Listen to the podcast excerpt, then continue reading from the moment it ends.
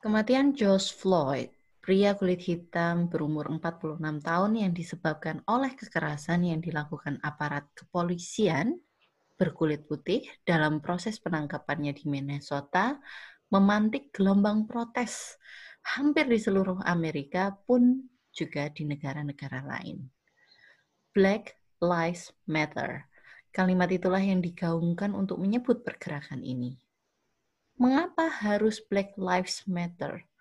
Mengapa hidup ras kulit hitam itu penting? Itulah yang akan kami bahas di episode ini di VIP Talks Finka IPIP Pillow Talks.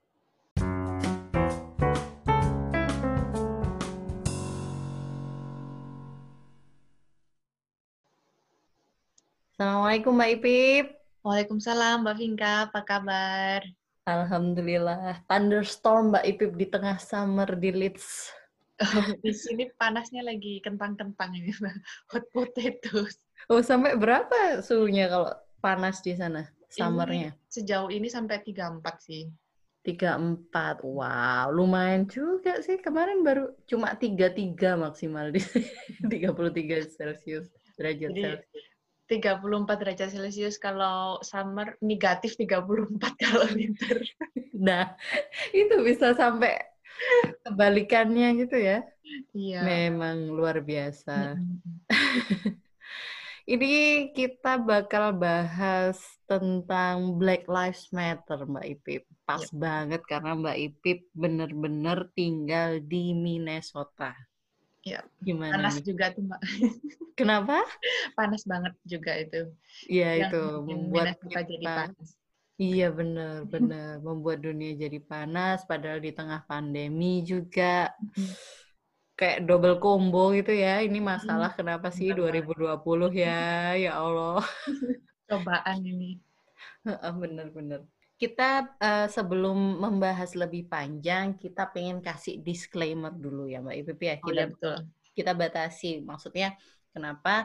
Karena bahasan ini mungkin sen- sensitif untuk beberapa orang. Kami berdua, saya dan Mbak Ipi akan memberitahu, menjelaskan sebatas pengetahuan kami, sebatas apa yang kami rasakan. Misalnya karena Mbak Ipi berada di Minnesota saat itu tinggal di sana, jadi nuansnya juga tentu akan berbeda mungkin dari yang dilihat dari teman-teman di media gitu kan.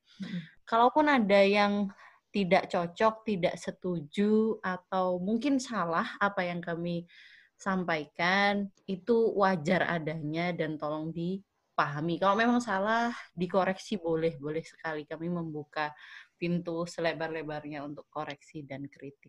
Ada yang mau ditambahin nggak Mbak Ipip Ya, tambahin sedikit karena memang eh, kalau kita menyebut tentang rasisme orang kulit hitam kita nggak nggak bisa menjadi mereka karena kita bukan mereka dan kita tidak bisa memiliki pengalaman mereka gitu karena Betul. memang kita nggak berada di posisi mereka jadi mungkin pendapat-pendapat kami berdua ya beda banget lah kalau dibanding dari sudut pandang orang yang benar-benar eh, berkulit hitam di sini gitu.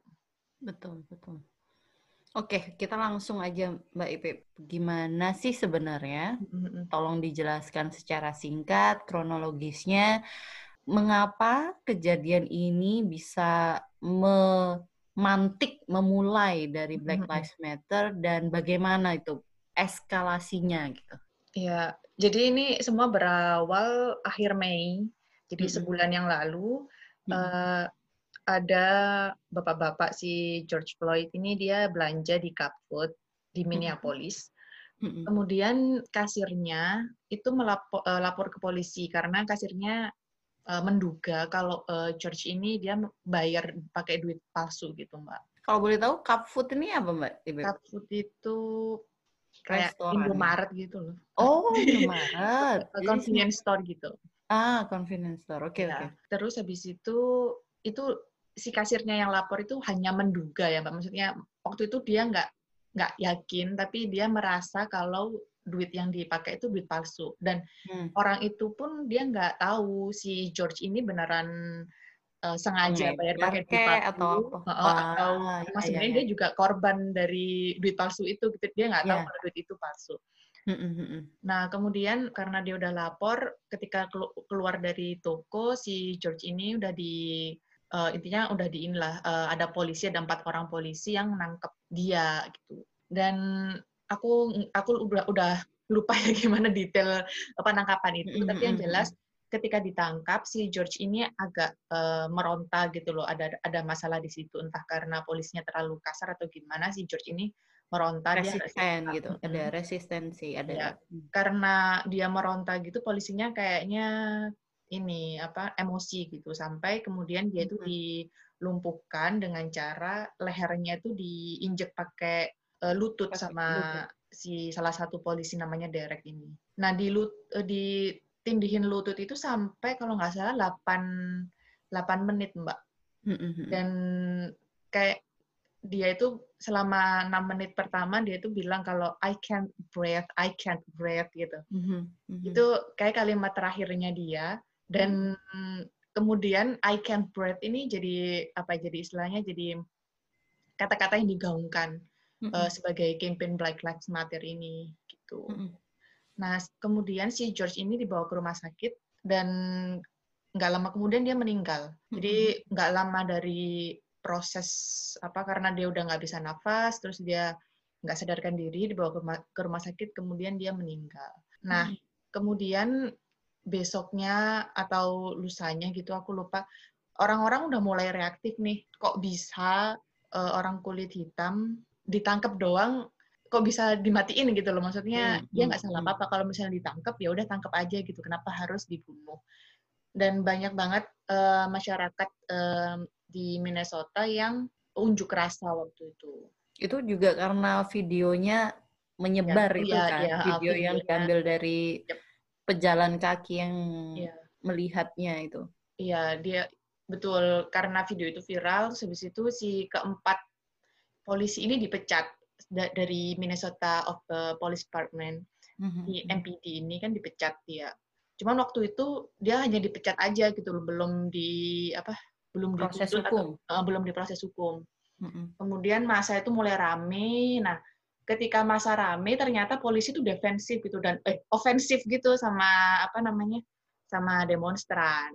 Hmm, Jadi hmm, namanya juga, ya. uh, orang Amerika mereka merasa demonstrasi itu adalah bentuk bagaimana mereka berjuang karena hmm. mereka merasa kalau oh di sini kan demokrasi gitu. Nah, ketika mereka demonstrasi terus kemudian dikasarin sama polisi, udahlah itu jadi marah mereka bakar bakar bakar mobil polisi, terus banyak pengerusakan properti kayak gitu-gitu, hmm. Mbak. Dan itu langsung kayak aku aku pun awalnya nggak sadar kalau bakal sampai segitunya. Itu kan kejadian di Minneapolis.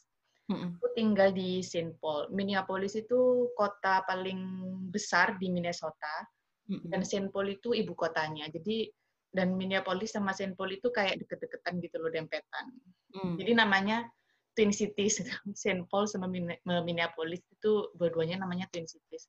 Mm -hmm. Jadi semenjak saat itu di Twin Cities rame banget uh, unjuk rasa. Dan tiga yeah. hari setelah tiga nggak sampai seminggu kalau nggak salah. Itu kemudian si polisi yang ini yang membunuh George hmm. itu akhirnya dia dituntut pembunuhan kelas 3 awalnya. Tapi si rakyatnya, si orang-orang yang demonstrasi ini nggak nggak terima. Akhirnya kemudian beberapa hari kemudian dinaikin jadi pembunuh, pembunuhan kelas 2. Beda hukumannya juga ya? Iya ya? betul, karena apa tingkat apa tingkat kekejamannya itu. Mungkin berbeda. Aku nggak gitu paham juga sih dengan hukum di sini. Cuman istilahnya itu lebih berat lah uh, hukumannya. Dan ternyata uh, unjuk rasa ini merembet-merembet gitu mbak, merembet-merembet sampai ke state lain kayak di New York, hmm. di state uh, di California, terus di Washington, di mana-mana itu jadi ikut kayak ketularan gitu semangat mereka untuk memperjuangkan hak-hak orang kulit hitam. Dan hmm. sebenarnya sebelum George Floyd itu ada dua kali, sebelumnya itu ada dua tindakan polisi yang kayak semena-mena gitu loh sama orang kulit hitam dan dua-duanya itu menjadikan membunuh dua orang apa membunuh uh, orang ini gitu. Aku lupa namanya. Pokoknya satunya itu perempuan Briona namanya dia tuh tidur. Terus polisi tuh kayak masuk ke apartemennya terus dia polisinya ngira dia itu adalah tersangka yang dia kejar gitu mbak ternyata Jadi, bukan kan? Ya, ternyata bukan langsung dibunuh saat di tempat itu juga gitu. Terus kemudian hmm. yang kedua itu ada eh, laki-laki dia lagi jogging aja gitu. Terus kemudian ada orang yang oh, mau terasa itu bukan? Uh, oh iya, yang itu yang apa? Dia mikirnya kalau itu adalah pencuri yang dia hmm. dia kejar gitu. Nah jadi pada marah semua. Jadi inilah rame banget uh, dan riotnya itu sampai ke Saint Paul. Untungnya aku tinggal di daerah perumahan gitu ya, bukan di daerah pertokoan. Mm-hmm. Jadi uh, alhamdulillah aman. Tapi mm-hmm. pertokoan di daerah Minneapolis tuh udah nggak tahu lagi deh. Kayaknya kalau sekarang aku datang ke Minneapolis, ini kota apa? Udah kayaknya gue udah nggak kenal lagi karena benar-benar wow. udah. Berarti emang parah banget ya mbak? Parah banget, iya parah banget. Di sini apa kayak kampusku, terus kemudian beberapa organisasi atau instansi di Minnesota itu udah memutus hubungan sama NPD, Mbak, memutus hubungan sama Minneapolis Office Department. Jadi mereka udah nggak perpanjang kontrak lagi gara-gara ini gitu. Kayak yeah. udah, udah ini udah nggak nggak mau lagi berhubungan sama mereka. Kalau tadi Mbak Ipi bilang bahwa sampai wah ini kota apa gitu, berarti memang separah itu ya. Ini apa iya, namanya? Ya, separah itu. Memang betul-betul bukan kekerasan, apa kericuhan itu memang betul-betul sampai berpengaruh kepada properti-properti yang ada di di kota tersebut itu sampai se aku nggak pengen terdengar kayak vlogger-vlogger separah itu. Okay, uh, dia separah itu. Benar-benar luluh lantak kalau ini ya. ya luluh lantak. Sampai luluh. selama satu minggu, sat, lebih dari satu minggu sih, itu diberlakukan jam malam di Twin Cities. Jadi mulai jam 8 malam, kalau nggak salah jam 8 sampai jam 6 pagi. 8 malam sampai jam 6 pagi itu orang-orang nggak boleh keluar. Dan udah hmm. selama ini, selama apa, jam malam itu helikopter, terus mobil polisi wiwi itu udah banyak deh. Mencekam nggak Mbak Ipip? Menurut Mbak Ipip sendiri itu mencekam nggak sih? Kayak gitu kan helikopter riwa-riwi itu? Iya, aku udah kayak di TV kayak di film-film gitu mbak film-film Hollywood aku rasa kayak But it's real, itu terjadi uh, gitu masalahnya. Dan aku sampai nyiapin kayak tas darurat gitu loh.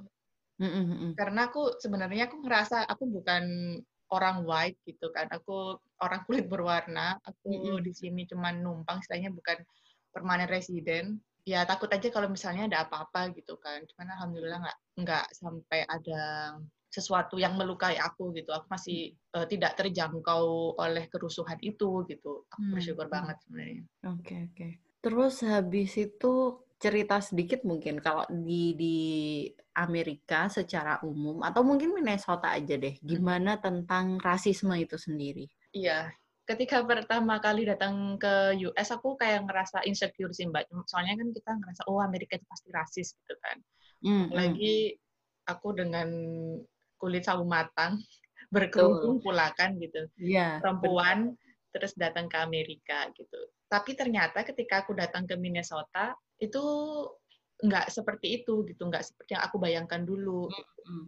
Teman-teman Indonesia yang di sini pun bilangnya oh Minnesota nggak se rasis itu kok gitu. Karena apa? Karena pertama Minnesota itu banyak lebih yang menang tuh lebih banyak Demokrat gitu daripada Republikan. Maksudnya hmm, orangnya lebih progresif gitu. Uh.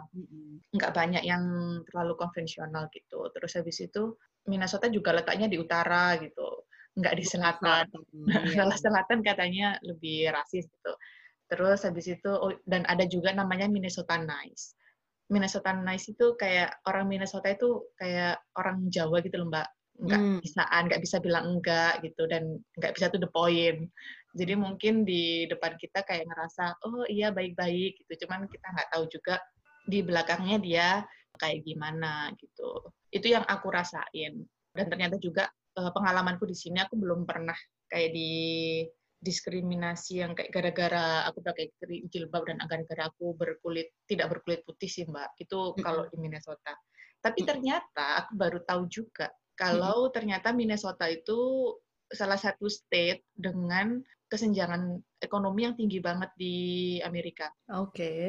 Jadi kesenjangan ekonomi yang tinggi antara kulit hitam dan putih. Jadi misalnya orang kulit putihnya itu kaya banget, orang kulit hitamnya itu miskin banget kayak gitu. Tingkat pendidikannya pun yang ke college gitu jauh hmm. lebih banyak orang kulit eh, kulit putih daripada kulit hitam dan perbedaannya itu kayak jurang banget gitu dibandingkan dengan state lain. Mm-hmm. Itu Terus, sih yang yang yang aku ngerasa oh ternyata gitu ya dan di sini police departmentnya sih istilahnya kalau di, uh, di Indonesia itu kayak Polres gitu loh. Mm-hmm. Di Polresnya ini atau di polis kepolisian Minnesota secara keseluruhan mereka itu membunuh orang kulit hitam 13 mm-hmm. kali lebih banyak daripada mereka membunuh orang kulit putih. Wow, Jadi 13 kali itu rasio yang luar biasa ya. Iya, makanya daging nggak main-main. Mm-mm. Terus juga kepemilikan rumah itu jauh lebih banyak orang kulit putih daripada orang kulit hitam. Jadi memang mungkin di akar rumput kayak aku gini ya, maksudnya yang aku nggak ngerasa ada diskriminasi karena aku bukan orang kulit hitam. Dan mungkin di sekitarku juga aku nggak punya banyak temen yang orang kulit hitam, jadi aku nggak tahu gimana pengalaman mereka. Jadi yang aku tahu, oh Minnesota nggak rasis karena aku nggak nggak kena aja gitu. Nah, benar. Karena lingkungannya Mbak Ipip nggak seperti itu. Tapi iya. Dan juga yang disebutkan sama Mbak Ipip tadi kan tentang pendidikan, kemudian kepemilikan rumah sama gaji. Eh, Mbak Ipip kerja sih ya, cuman dalam lingkungan universitas, ya yep. bukan sih? Iya. Nah, terus habis itu juga pendidikan Mbak Ipip di sana sekarang menempuh PhD, maksudnya mm -hmm. kan udah di tingkat pendidikan yang atas gitu loh. Iya. Maksudnya mungkin di situ juga kenapa nggak secara langsung terkena diskriminasi itu karena Betul. sudah terdidik orang-orang yang di sekitar Mbak Ibu itu udah terdidik jadi iya. nggak melakukan itu dan, dan ya. tentang kepemilikan rumah juga kayaknya itu bukan problem yang bakal dihadapi Mbak Ipip gitu loh. Ya, betul. jadi jadi challenge-nya kan kita kita biasanya nggak akan tahu sebuah hal itu sulit atau bermasalah kalau kita nggak menghadapinya sendiri gitu. Ya, sih? betul sekali. Dan kalau kita melihat kan tataran kayak pendidikan, rumah, gaji itu kan bukan sesuatu hal yang di kulitnya aja di luarnya bukan hanya sekedar di dikata-katain gitu loh mbak tapi itu kayak semacam udah apa ya sistemik gitu loh ya nggak sih udah kesempatan belajar itu kan udah maksudnya udah ada campur tangan sistem yang lebih betul. tinggi yang jauh di atas kita gitu yang lebih besar daripada kita gitu. Ya dan apalagi kalau udah ngomongin sistem pendidikan dan di Amerika ada zonasi hmm. pula ada macam-macam itu kan betul betul uh, kepemilikan rumah juga sangat berpengaruh menurutku betul. kenapa karena dipengaruhi juga karena orang banyak yang ingin dekat dengan good school. Betul banget. Sekolah yang bagus gitu kan. Jadi semakin bulat lah itu sistemnya itu tadi. Semakin orang kulit hitam nggak bisa punya rumah di tempat yang punya akses pendidikan baik, tambah tambah nyungsep aja itu. Iya kan? Wah, ya ya, berat juga ya. Memang memang memang sistem itu berpengaruh sekali. Oh ya mungkin bagi teman-teman yang belum tahu, kita jelasin lebih detail. Jadi di Amerika itu ada zon zonasi, sama kayak di Indonesia sih, cuman zonasinya itu uh, kelihatan banget kalau di Amerika ada lokasi tempat yang tempatnya itu orang kaya semua gitu. Ada lokasi yang selam yang istilahnya kumuh banget kayak gitu. Dan ketika misalnya orang kulit hitam ini dia nggak bisa dapat rumah di kalangan orang yang berada, padahal dia punya duit, ya tetap aja dia harus balik ke kalangan kumuh kan. Nah, sekolah hmm. yang di tempat yang kumuh dan sekolah yang di tempat yang istilahnya yang elit pasti beda banget kualitasnya ya. Kualitas iya Beda banget dan kalau misalnya sekolahnya udah kumuh, udah kualitasnya buruk ya kemudian mereka lulus katanya cuma ada dua mbak lulus kalau nggak mati ya di penjara. Oh, itu sedih sedih banget, banget. itu itu aduh itu emang pendidikan di Amerika itu udah. Dan bah, uh, tapi mereka tuh aku nggak ngerti ya ini ini adalah sebuah kebaikan atau malah kemunduran atau nggak tahu. Pokoknya di sini tuh ada semacam kayak lotre gitu pak hmm. Jadi orang yang tinggal di kawasan kumuh itu ada program mereka bisa daftar mm -hmm. uh, untuk bisa sekolah di tempat yang lebih baik. Dan cara mendapatkannya itu itu bukan dari pinter-pinteran atau uh, persaingan akademik gitu mbak. Jadi itu uh, milihnya itu dengan cara lotre bener-bener gambling gitu ya? Random random maksudnya? Random mm, jadi ketika ada anak yang dapat lotre itu orang tuanya itu bener-bener bisa kayak kalau Indonesia sujud syukur gitu udah bahagia banget karena anaknya itu pasti, pasti keluar dari jerat kemiskinan dan kriminalitas yang ada gitu. Itu miris ya aku lihatnya. Wah, itu itu insight yang kayaknya kita nggak tahu deh. Dan yeah. di Indonesia juga nggak ada, nggak bisa dibandingin juga ya. Kalau ini yeah. tentang lotre dan pendidikan itu tadi. Ya, jadi itu maksudnya nyambung ke arah bagaimana kesempatan pendidikan dan bagaimana kemampuan orang tua untuk nyekolahin anaknya di tempat yang baik itu benar-benar apa ya namanya udah sistemik banget. Dan kalau misalnya nggak ada kesadaran yang apa ya yang luas itu sih kayaknya juga akan terus jadi lingkaran setan kayak gitu mbak.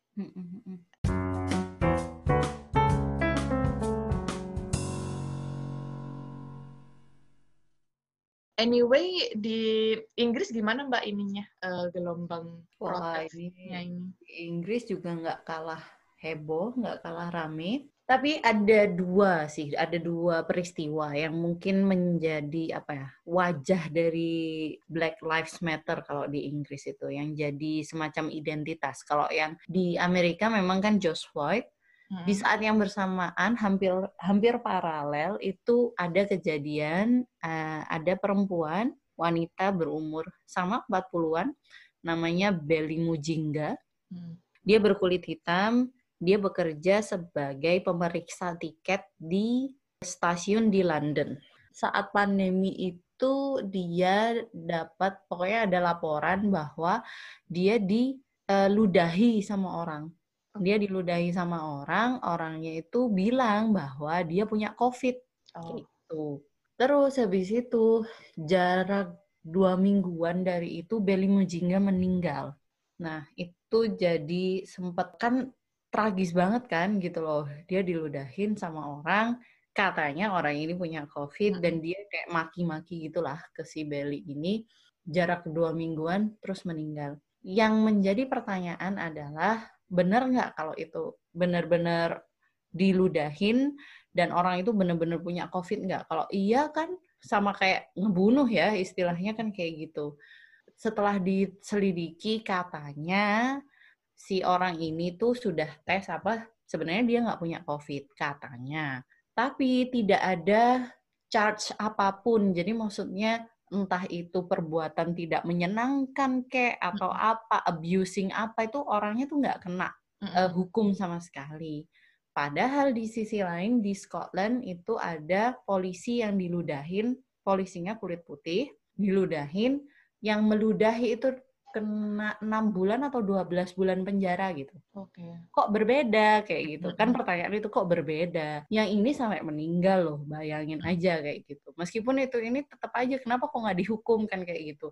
Terus habis itu yang lain ternyata ada fakta bahwa si Belly ini sudah memiliki keadaan uh, kesehatan yang kalau nggak salah entah punya asma atau apa gitu loh. Jadi punya masalah kesehatan sebenarnya. Mm-hmm. Dia udah bilang sama sama employernya, sama bosnya, boleh nggak aku kerja di back office gitu loh. Maksudnya nggak nggak langsung ketemu sama orang karena dalam kondisi pandemi ini ditolak nggak boleh, tetap mm-hmm. kerja di itu gimana tanggung jawab perusahaannya. Itu benar-benar bikin orang tuh kebolak-balik lah perasaannya itu. Jadi hmm. maksudnya ini kenapa kok nggak adil apa apa apa hanya benar-benar karena dia berkulit hitam terus menerima ketidakadilan seperti ini seperti hmm. itu. Kan pertanyaan-pertanyaan itu banyak banget berkembang. Hmm. Sampai sekarang si siapa itu namanya polisi itu sudah menyatakan bahwa sudah menyelidiki dan ternyata tidak ada peludahan itu. Meludahi itu sebenarnya tidak diludahi tapi kan terus tetap orang-orang kan menanyakan kalau gitu kenapa yang dulu kok sampai ada pelaporan bahwa diludahi? Siapa ini? Kenapa CCTV-nya apa? Belah udah itu udah bulat nggak karu-karuan. Terus habis itu ada lagi kejadian kedua yang cukup menjadi kunci sih kalau di Inggris itu adalah perobohan patung Edward Colston di Bristol. Oh iya. Jadi siapa sih Edward Colston ini? Ternyata Edward Colston itu adalah slave trader, jadi pedagang budak. Dulu di tahun berapa ya 1680-an kalau nggak salah. Dia itu memang lahir di Bristol Kemudian di tahun itu 1680-an itu dia mulai bergabung di apa Royal African bla bla bla gitulah yang pokoknya menjadi perusahaan monopoli untuk memperdagangkan banyak hal dari Afrika termasuk budak. Okay. Nah, jahatnya si Edward Colston ini adalah kalau di total-total tuh ada angkanya itu dia udah memperdagangkan kira-kira 84 ribu orang Afrika. Wow. Iya, dibawa ke Amerika. Mm -mm, dibawa ke Amerika. Yang lebih jahat lagi itu adalah, jadi zaman dulu itu ada semacam insurance. Asuransinya adalah, gimana ya kalau menjelaskannya? Semoga semoga mudah dipahami ya. Jadi asuransinya intinya menanggung si Edward ini udah bayar ke hmm. perusahaan asuransi ini. Kalau misalnya ada budaknya yang meninggal, perusahaan asuransi ini akan membayarkan apa? pertanggungan nilai pertanggungan gitu loh kalau misalnya sampai meninggal. Yang jahat adalah ditengarai bahwa dia dengan sengaja membuang wow. budak itu di tengah lautan. Oke. Okay. Dari 84 ribu yang meninggal 19 ribu. Jadi bisa dibayangkan ya, angkanya itu luar biasa dan itu kan luar biasa keji sekali gitu. Kalau hmm. memang betul seperti itu. Ini juga perdebatan banyak historian atau para sejarawan di sini pun berdebat tentang kebenaran apa benar-benar ini sengaja atau enggak itu masih diperdebatkan. Tapi tetap dari angka 19 ribu kalaupun nggak sengaja tuh mungkin masih ada beberapa yang sengaja kan memang ya bisa banget itu mungkin banget gitu. Ini mengundang kemarahan. Kenapa? Karena itu membuktikan eh dia dia kenapa sih kok sampai ada patungnya. Nah, itu kan kalau patung berarti seharusnya orang yang dihormati, dihormati, gitu. dihormati atau punya jasa. Ternyata si Edward Colston ini disebut filantropis. Filantropis berarti oh. filantropis kan berarti seharusnya itu welfare ya. Kan? Iya kan, yang dermawan gitu kan harusnya. Mm-hmm. Tidak bisa dipungkiri ternyata dia punya banyak sekali um, donasi ke pembangunan-pembangunan uh, misalnya sekolah, uh, gereja atau mm-hmm. macam-macam lah di Bristol tuh banyak banget. Jadi sampai ada nama gedung tuh berapa gitu ada namanya Colston itu tadi. Jadi di satu sisi memang negara ini dibangun dari darah kulit hitam kalau secara kasarnya kayak gitu. Jadi ini hubungannya sama sejarah tuh terkait kental sekali dan nggak bisa dihilangkan gitu dan nggak bisa dipungkiri juga. Kalau mau mungkir bahwa ah nggak bisa. Ini nggak ada hubungannya apa. Ya nggak bisa. Memang ada hubungannya. Memang betul-betul ada hubungannya. Dan bahkan mungkin si Colston ini juga jahat juga kan dia bawa slave-nya ke Amerika di Amerika. Terus akhirnya jadi budak sistemik kayak gitu. Berapa ratus tahun kemudian jadi kayak gini gitu istilahnya ya dan in the first place dia menganggap manusia itu objek gitu kan yang bisa diperjualbelikan, dijadiin barang. Kalau dia rusak ada asuransinya gitu kan. Jadi, makanya sengaja dirusakin aja biar dia dapat keuntungan dari situ gitu. Kemudian di Amerika pun ya hidupnya ya namanya budak ya pasti kan inilah. Tentu tidak dimanusiakan. Betul, tidak dimanusiakan. Bahkan itu sejak tahun 1600 berarti kan sekitar 300 hampir 400 tahun yang lalu ya Mbak ya kejadian Benar. itu tetap apa ya dilanggengkan gitu dan 300 tahun itu bu bukan waktu yang singkat gitu untuk membangun apa kesadaran bersama bahwa orang kulit hitam itu sebenarnya sama aja kayak kita gitu karena hmm. pemikiran bahwa orang kulit hitam itu derajatnya jauh di bawah orang kulit putih itu udah diperkenalkan dan diturunkan selama 300 tahun secara sistemik secara tidak sadar pun orang-orang uh, jadi mikirnya tetap apa tetap uh, berpikir bahwa orang kulit hitam itu lebih eh, buruk. Uh, ya, uh, kayak gitu. Hmm.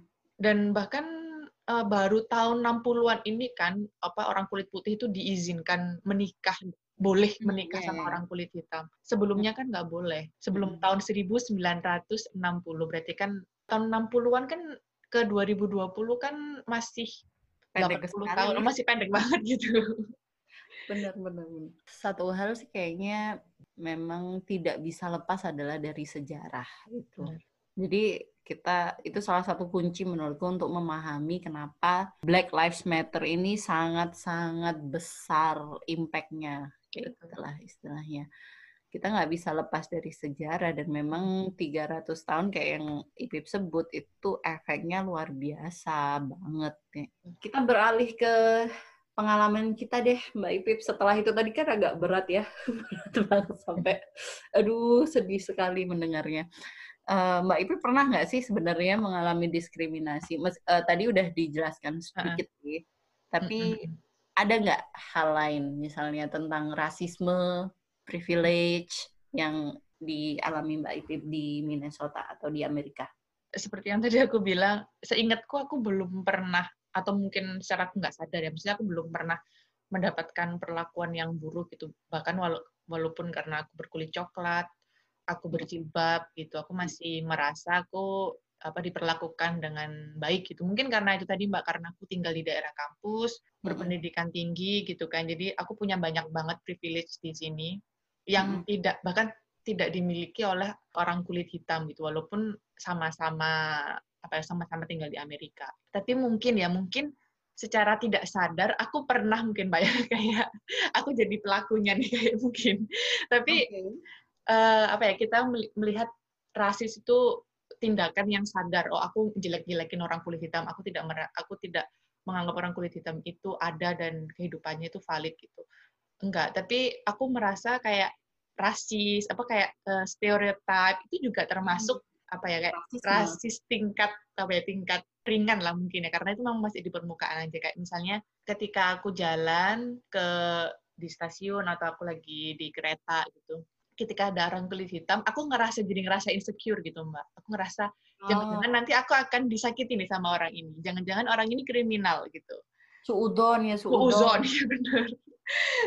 aku jadi ngerasa kayak, aduh, aku nggak nyaman dan aku misalnya kayak berusaha untuk tidak melakukan kontak apa tidak kontak mata gitu atau nggak deket-deket. Aku berusaha untuk melindungi diriku sendiri. Padahal kan ya dia diem aja gitu di situ, tapi ada perasaan kayak gitu. Gitu aku ngerasa oh ini aku juga apa ya subjek dari uh, rasisme juga ternyata gitu walaupun hmm. secara tidak sadar ya maksudnya kan aku apa ya nggak nggak nggak nggak sengaja banget aku berpikir oh kamu pengen banget merasa nggak nyaman di hadapan hmm. mereka gitu cuman karena aku terpapar kayak misalnya di film-film lebih iya, banyak ya, orang kulit eh, orang kulit hitam yang jahat kan daripada yang baik. Jadi aku ngerasa kayak oh, orang kulit jahat itu eh orang kulit hitam itu jahat mereka suka bawa pistol gitu. Atau mereka bandar narkoba gitu mereka suka hmm. membunuh mereka suka mencopet. Nah karena karena itu aku jadi informasi yang ada di kepala aku itu kayak orang kulit hitam itu jahat gitu. Padahal kan enggak juga benar benar benar karena selama ini yang aku kenal orang berkulit hitam baik-baik semua gitu mesti nggak ada yang seperti yang aku bayangkan selama ini gitu karena hmm. ya terpaan informasi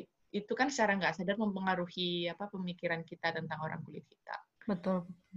Cuman aku pernah nih Mbak, oh ya baru ingat, aku pernah ini pengalaman yang agak creepy juga. Mm-hmm. Waktu itu aku lagi di bus, tiba-tiba terus ada orang kulit putih itu mau naik, mm-hmm. terus dia itu kartu imaninya itu kayak nggak bisa gitu loh. Aku nggak tahu detailnya gimana. Pokoknya dia susah banget. Entah imaninya nggak ada duitnya atau imaninya rusak. Pokoknya dia lama banget ngetapnya itu. Kemudian ada orang kulit hitam di situ, penumpang juga. Dia kayak angkat bicara, dia bilang, ya kamu, istilahnya kalau dalam bahasa Jawa ya, kamu gak duit-duit, gak usah numpak lah, gitu. Iki gara-gara awak aku ketinggalan bus gitu. Aku ketinggalan bus gara-gara kamu gitu. Ini busnya hmm. selanjutnya ini bentar lagi mau datang gitu. Kalau kamu kayak gitu, itu kamu membuatku jadi terlambat gitu. Istilahnya hmm. gitu. Dan kalau nggak punya duit, mending kamu turun aja. Nah, karena orang kulit hitamnya nyolot, nah orang kulit putihnya juga nyolot gitu. Ngegas mereka juga, ya? ngegas juga. Akhirnya mereka berantem adu mulut, bahkan salah satunya ada yang ngajem, aku bawa gun gitu. Yang satunya bilang, eh, yang satunya bilang, aku bawa pisau nih. Terus yang satunya bilang, aku bawa gun nih. Gitu. Dan itu sampai rame banget. Dan aku sama teman-teman kayak, oh, oh kayaknya ini nggak aman deh. Gimana kalau kita turun aja? Akhirnya sama teman turun, Mbak Oh serius sampai kayak Iya. gitu? Uh, uh, jadi aku ngerasa kayak aku mikir-mikir kalau misalnya yang naik sama-sama orang kulit hitam atau misalnya yang protes sama-sama orang kulit putih, kayaknya berantem itu nggak bakal ada deh kayaknya. Maksudnya nggak bakal terjadi gitu. Uh, nggak separah itu gitu. Nggak separah itu. Paling cuman kenapa sih? Eh, kamu kenapa gitu? Paling cuma tanya kayak gitu aja. Tapi karena dua orang ini beda ras, bisa hmm. sampai panas gitu. Dan itu membuat kami nggak nyaman penumpang lain kan. Ya, itu pengalamanku yang agak-agak serem-serem gimana gitu di sini. Lumayan serem ya. Kalau Mbak Finka ada nggak pengalaman gimana? Diskriminasi itu betul seperti Mbak Ipip. Kadang-kadang tuh subtle gitu. Apa ya? Apa bahasa Inggrisnya? Halus gitu apa? Atau meta atau di bawah. Jadi bukan nggak nggak nggak langsung. Bahkan aku pernah sih mengalami diskriminasi karena ras itu. Tapi kayak bahkan untuk diriku sendiri butuh waktu untuk beberapa menit gitu oh kayaknya ada yang salah deh. Kayaknya ini ini ini sesuatu yang salah deh. Kayaknya ini diskriminasi deh. Bahkan itu ketika kejadian kadang tuh aku nggak bisa langsung reaksi kamu tuh nggak boleh kayak gitu ke aku gitu loh kayak kayak hmm, yeah. kayak gitu tuh nggak bisa gitu bahkan set, baru mencerna setelah ini kayaknya salah deh kayaknya harusnya aku nggak diginiin kayak gitu mm -hmm. itu ada beberapa sih misalnya kalau kayak di pernah di supermarket sebenarnya kan ada yang kita bisa bayar sendiri pakai masukin uang koin kayak gitu kan mm -hmm. kalau di sini nggak perlu pakai kasir nah aku tuh waduh kok duitku nggak ada? Gitu loh. Ah, terus aku kayak bingung anu dompet atau apa gitu. Itu aku tiba-tiba langsung didatengin satpam. Iya gitu. Kenapa? Ayo oke okay, me. Apa? Kamu yakin apa ini? Tapi ya masih masih dalam dalam batas yang sebenarnya agak nyolot gitu loh. Nggak kayak biasanya nanya ini nggak kayak biasa gitu. Oh iya nggak apa-apa nggak apa-apa Are you sure? Sampai berapa lama gitu? Ngapain sih? Iya ya, aku punya duit terus akhirnya aku keluarkan kartuku. Maksudnya aku sebenarnya pengen bayar pakai uang yang cash itu tadi tapi terus ya udah baru itu pun aku nggak nyadar terus kuliah ini kalau orang lain kulit putih kayaknya nggak digituin deh kalau mm -hmm. ini gitu nah aku baru sadar baru beberapa saat setelahnya terus pernah juga sama kalau di sini aku kan kerja sebagai housing warden yang biasanya orang native yang benar-benar orang lokal itu kan kontraktor ya para kontraktor jadi pekerja-pekerja misalnya orang yang engineer yang benerin plumbing apa hmm. namanya pipa-pipa air atau apa kayak gitu pernah ada yang bercanda tentang tentang bagaimana orang Arab itu nggak mau rumahnya dimasukin kalau cuma ada cewek kayak gitu. Mm -hmm. Itu di depan aku, aku sebenarnya nggak nggak nyadar bahwa itu aku cuma oh ya ya cuma gitu aja. Butuh waktu beberapa menit kemudian itu kan tadi berarti dia mentertawakan karena dia Arab gitu kan, gitu, mm -hmm. misalnya. Nggak langsung ke aku kalau yang itu tadi, tapi harusnya aku bisa ngomong ya kamu jangan kayak gitu ya itu budaya gitu. Tapi aku nggak bisa tidak bisa secara langsung mengatakan bahwa eh kamu tuh lagi diskriminasi kamu tuh lagi menjelekkan orang Arab karena budayanya. Itu butuh waktu pip. Kadang-kadang tuh nggak bisa gitu. Aku sempat mikir bahwa apa aku tuh punya semacam kayak bias ya? Karena mungkin kita sebagai orang Jawa dijajah ber tahun-tahun sama orang Belanda kita selalu menganggap bahwa orang Belanda itu yang lebih baik, orang uh, Kaukasian itu lebih oke, okay, lebih pinter atau yang lain. Jadi semacam rendah diri atau bagaimana? Aku juga ya. sempat mikir uh, ada hubungannya nggak sih gitu. -hmm. Itu yang pengalaman kupip tentang diskriminasi dan ras di sini. Jadi kayaknya memang benar-benar jauh di tingkat bukan tingkat kesadaran yang paling tinggi gitu. Jadi itu unconscious banget kan sudah uh, meresap gitu kan ya meresap sebagai kita take it for granted gitu kita nganggap itu hal biasa aja padahal sebenarnya itu melukai apa ya, melukai orang lain gitu yang hmm. rasnya itu berbeda dari kita orang yang berbeda dari kita gitu.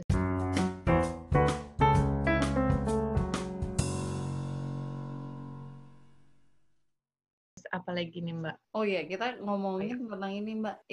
Ini kan pro kontra, apalagi kalau di Indonesia kalau misalnya teman-teman yang di Indonesia mungkin banyak banget yang aku lihat di timeline adalah punya pandangan yang berbeda tentang Black Lives Matter itu. Ngapain sih? Kenapa sih kok Black Lives Matter gitu? eh hmm. aku juga aku juga didiskriminasi loh di sini. Eh aku hmm. juga ini harusnya all lives matter, harusnya kayak banyak pro kontra yang seliweran. Mbak Ipip dulu apa aku dulu nih tentang Mbak Vinka dulu deh, Mbak Vinka dulu. Aku dulu.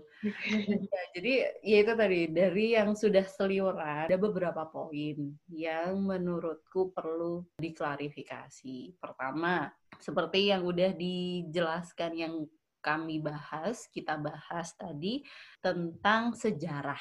Ini tuh nggak bisa dilepaskan dari sejarah. Bahwa ini ada hubungannya sama perbudakan yang beratus-ratus tahun terjadi itu nggak bisa dilepaskan dari situ. Terus yang kayak dibilang sama Mbak Ipip juga tentang pendidikan, tentang boleh menikah atau enggak. Pendidikan tuh yang aku nggak salah di di Amerika yang sempat dipisah, tempat tinggal pun dipisah, orang kulit hitam nggak boleh campur tinggal dengan kulit putih di lingkungannya, hmm. pendidikan juga nggak boleh campur kayak gitu-gitu kan itu kayak baru puluhan tahun lah nggak sampai yeah. ratusan tahun itu itu hmm. dilakukan gitu. Itu membuktikan bahwa kulit hitam di Amerika khususnya itu kan benar-benar mendapatkan perlakuan yang tidak manusiawi gitu. Hmm bahwa dia dianggap aku nggak tahu sih apa ya anggapannya kok sampai harus dipisahkan berdasarkan kulit itu kan sebenarnya nggak masuk akal sih doesn't make sense. Apa alasannya? Kenapa nggak boleh? Itu membuktikan bahwa memang ras kulit hitam itu mengalami ketidakadilan yang sistemik yang udah dari yang udah dari dulu diatur seperti itu. Jadi mereka bukan lagi bukan lagi warga kelas 2 kali ya, udah warga kelas paling bawah lah istilahnya kalau misalnya ini. Nah, itu satu. Terus habis itu harusnya all lives matter dong gitu. Betul bahwa setiap manusia, ini konsep all lives matter ini berarti setiap manusia harus mendapatkan hak-haknya yang paling asasi, misalnya keamanan, kesehatan, kayak gitu kan, itu hak manusia. Nah, benar kalau kayak gitu, tapi tidak bisa juga dihilangkan bahwa ini loh, kulit hitam itu sudah mengalami pencabutan hak-hak itu udah dari dulu gitu loh. Jadi bukan bukan berarti hidup yang lain itu tidak tidak berarti gitu kan. Benar memang all lives matter harusnya memang seperti itu, tapi yang sekarang ya memang harus diakui bahwa kulit hitam lah yang me, sudah mengalami hak mereka tidak dipenuhi sudah beratus-ratus tahun dan dan nggak perlu dibandingkan juga gitu loh. Aku di Indonesia juga didiskriminasi. No no bukan itu poinnya gitu loh. Bahwa kita memang harus mengakui itu sudah terjadi ratusan tahun dan nggak perlu di, dibandingkan bahwa di Indonesia itu kayak gini kayak gitu. Ya nggak perlu karena pentingnya adalah dari gerakan ini gimana caranya sudah nggak ada lagi si kulit hitam ini harusnya juga mendapatkan pemenuhan hak yang sama. Itu sih menurutku ya. kalau dari miskonsepsinya itu tadi. Aku ada ini Mbak ada kayak perumpamaan. Misalnya di suatu kampung gitu ya. Mm. Ada kan ada banyak rumah, misalnya anggap aja ada 10 rumah. Mm. Kemudian ada satu rumah itu kebakaran. Betul memang all houses is all houses matter gitu kan. Cuman mm. kan yang lagi kebakaran itu satu rumah itu yang lainnya nggak kebakaran. Jadi kan kita nggak menyelamatkan yang lain, kita menyelamatkan yang kebakaran dulu gitu. Itu sebenarnya hmm. sama juga, maksudnya ya olah semata benar, cuman kan yang sekarang yang urgent banget yang harus kita bela, yang harus kita perjuangkan itu kan pihak yang tidak beruntung, yang tidak seberuntung pihak lain gitu. Itulah kenapa campaign Black Lives Matter itu benar ya benar memang harus dipertahankan bukan all lives matter. Terus ada tambahan lagi, ada juga yang biasanya kayak gini, oh kalau gitu berarti ini dong kalian, misalnya apa yang di Yaman, yang di Uighur, oh, iya. terus yeah. yang di Palestina. Oh, aku setuju banget itu memang hal-hal yang perlu kita yang perlu kita perjuangkan juga gitu dan perlu kita misalnya misalnya yang di Yaman adalah kekurangan kekurangan akses makanan apa banyak hmm. banget gitu kan sanitasi dan yang lainnya betul-betul itu juga perlu kita perhatikan. Tetap mendukung yang lain itu tidak berarti yang Black Lives Matter itu gagal atau istilahnya nggak berarti gitu. Jadi kalau kalian memilih untuk mendukung yang aku mungkin lebih relate gitu mungkin ya tentang pembebasan Palestina atau kemudian tentang krisis di Yaman, ya boleh silahkan. Tapi kalian juga tidak perlu menghapus atau tidak menganggap yang Black Lives Matter kayak gitu. Itu sih kalau ada yang satu juga yang kayaknya ya, cukup betul. banyak disinggung-singgung juga di sosial media. Ya mendukung salah satu gerakan itu bukan berarti kita menegasikan atau kita tidak menganggap gerakan yang lain itu penting gitu. Nah, betul, menegasikan. Terima kasih Mbak sudah menemukan kata yang. Ada lagi nggak Mbak Ipip tentang uh, miskonsepsi ini sebenarnya? Oh ya, ada lagi nih yang aku sering banget denger nih Mbak. Mungkin ada hubungannya dengan ini juga ya stereotip itu. Aku sering banget dengar kalau aduh pantesan sih orang kulit hitam tuh didiskriminasi gitu. Orang hmm. mereka itu nggak punya kerjaan, sukanya minum-minum, sukanya ganja gitu. Mereka hmm. hidupnya males, istilahnya kayak gitu. Hmm. Hmm. Pantesan aja mereka didiskriminasi orang mereka kayak gitu, istilahnya gitu kayak ber, berbuat kriminal atau berbuat hmm. atau kayak nggak beradab. Ya udah pantas aja gitu. Jadi mereka kayak menjustifikasi diskriminasi itu karena stereotip yang selama ini mereka pahami gitu.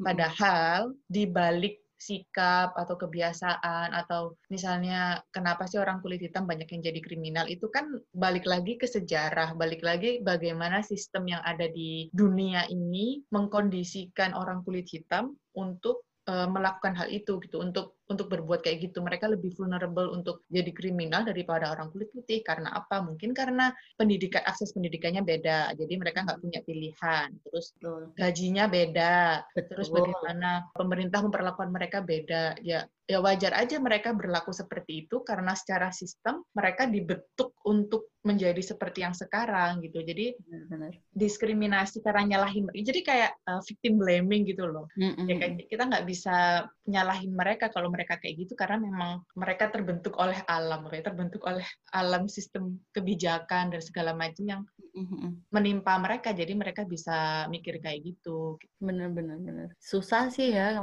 mereka jadi jahat, jadi kriminal karena nggak ada akses untuk pekerjaan yang memberikan gaji yang baik kayak gitu kan. Terus hmm. mereka anaknya sekolah, sekolah juga di tempat yang sekolah dengan lingkungan tidak mendukung pula. Terus gimana dong gitu kan? Hmm. Seperti kata Mbak Mbak Iwip tadi keluar kalau nggak mati di penjara. Aduh sedih banget kan ya. Kok nggak ada pilihan yang bagus-bagus gitu. Bener-bener sudah Iya. Bulet lah ya ini istilahnya. kalau nggak kalau nggak diperjuangkan terus gimana dong? Gitu. Dan ya butuh ini sih mbak. Butuh solusi mbak. Kita butuh nah, solusi okay, okay. kita beralih ke solusi ini. Kita harus ngomong solusi. VIP Talks harus ngomongin solusi. Kita nggak boleh cuma bahas-bahas dan mengajukan mengajukan masalah tapi nggak ada solusi. solusi gimana nih? Terus jadi gimana nih? Harus kita lakukan nih mbak? Siapa? Mbak Ibib dulu? Atau aku dulu? Aku dulu deh. Apa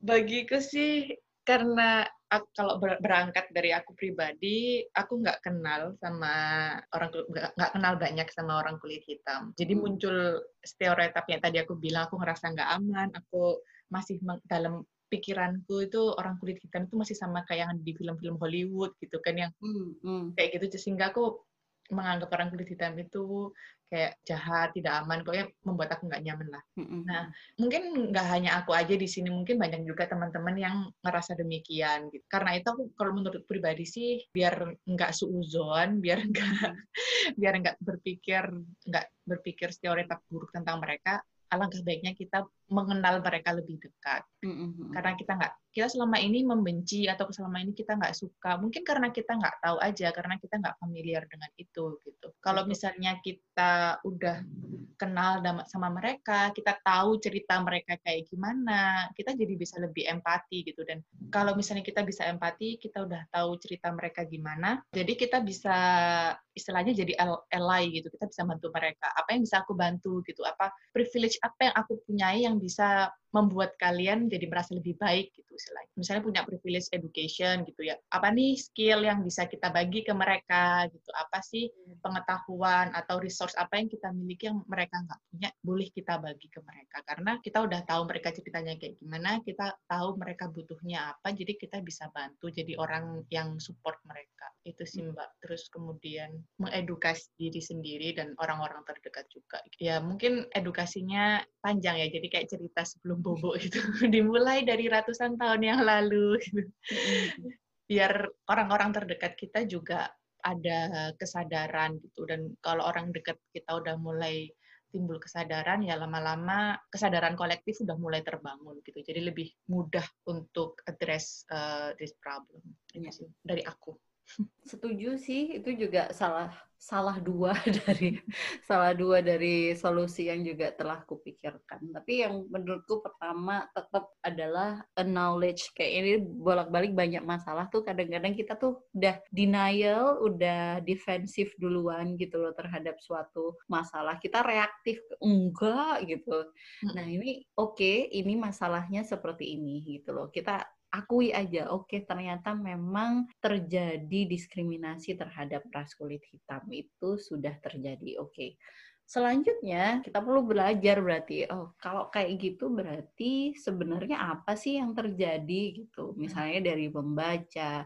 Kalau tadi yang Mbak Ipi bilang dengan berteman, mungkin tidak semua orang punya iya. akses juga kepada orang ras kulit hitam misalnya. Maka kalian bisa baca, kalian bisa baca memoir, kalian bisa baca. Mungkin kayaknya itu juga perlu deh. Uh, aku kayaknya kemarin nemu beberapa beberapa link-link yang bisa dibaca secara bebas tentang bagaimana sebenarnya diskriminasi itu terbangun dari sejak ya ratusan tahun lalu, terutama karena perbudakan itu tadi. Sekarang kita punya internet, kita punya akses ke mana aja, ke banyak sumber gitu maksudnya untuk belajar dan mendengarkan gitu uh, mendengarkan ini salah satunya yang pastinya sekarang platform yang paling banyak kita akses adalah sosial media. Nah, di sosial media ini aku sih kebetulan kayak semacam kebetulan gitu pergerakan ini itu ada karena aku kan merajut ya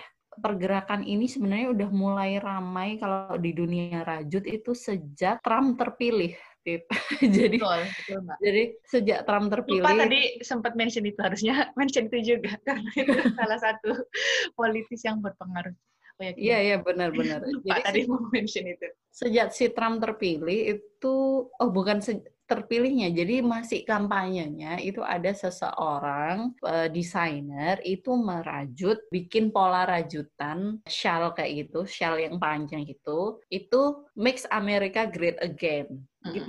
Jadi benar-benar mendukung kan ya. Nah, terus habis itu dalam grupnya kita punya ada namanya semacam grup untuk kayak kaskus gitulah forum-forum mungkin ya, forum mulai terjadi clash.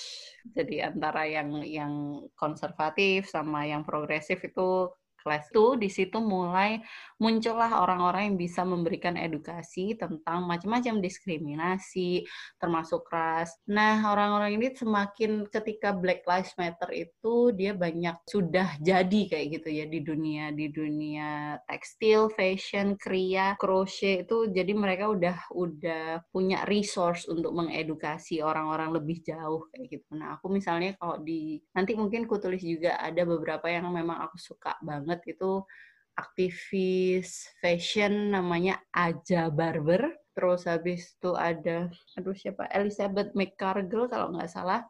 Mereka tuh benar-benar kita kalau baca, kalau mau baca di Instagramnya aja itu menjelaskan sekali kenapa sih sebenarnya apa sih akar akar masalah dari semua ini itu ternyata semua kayak domino gitu jadi ini nggak cuman nggak cuman satu hal terjadi tunggal gitu. Enggak, ini rentetan dari banyak hal yang terjadi bahkan ratusan tahun yang lalu kayak hmm. gitu.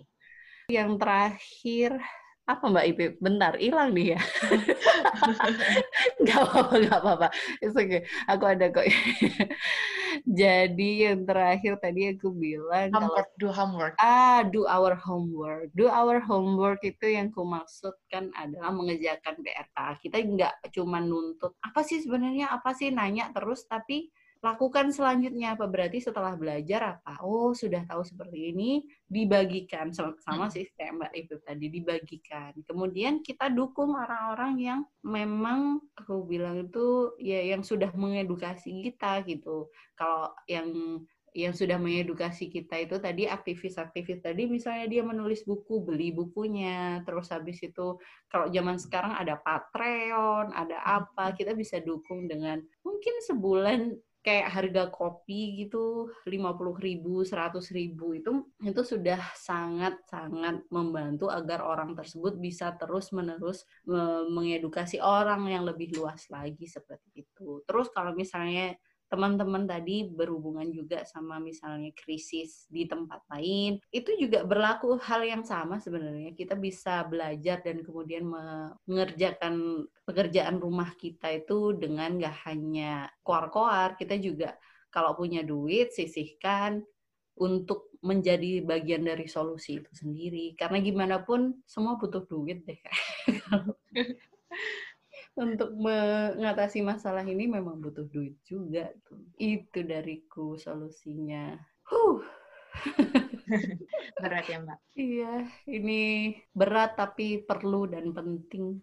Iya betul. Mungkin mbak Ipi pada yang ditambahin lagi mungkin ini sih semoga dari semoga gerakan gerakan ini tuh bukan bukan salah satu gerakan yang puncak gerakan sih. Karena menurutku ini baru awal dari pergerakan sih. Maksudnya hmm. baru awal perubahan. Jadi jangan sampai kita awalnya semangat habis itu loyo gitu. Jadi harus tetap istiqomah hmm. biar pergerakan ini terus uh, berlanjut perubahan tetap terjadi gitu. Diharapkan nanti anak cucu kita udah nggak ngerasain lagi nih stereotip atau perlakuan yang berbeda dari orang lain.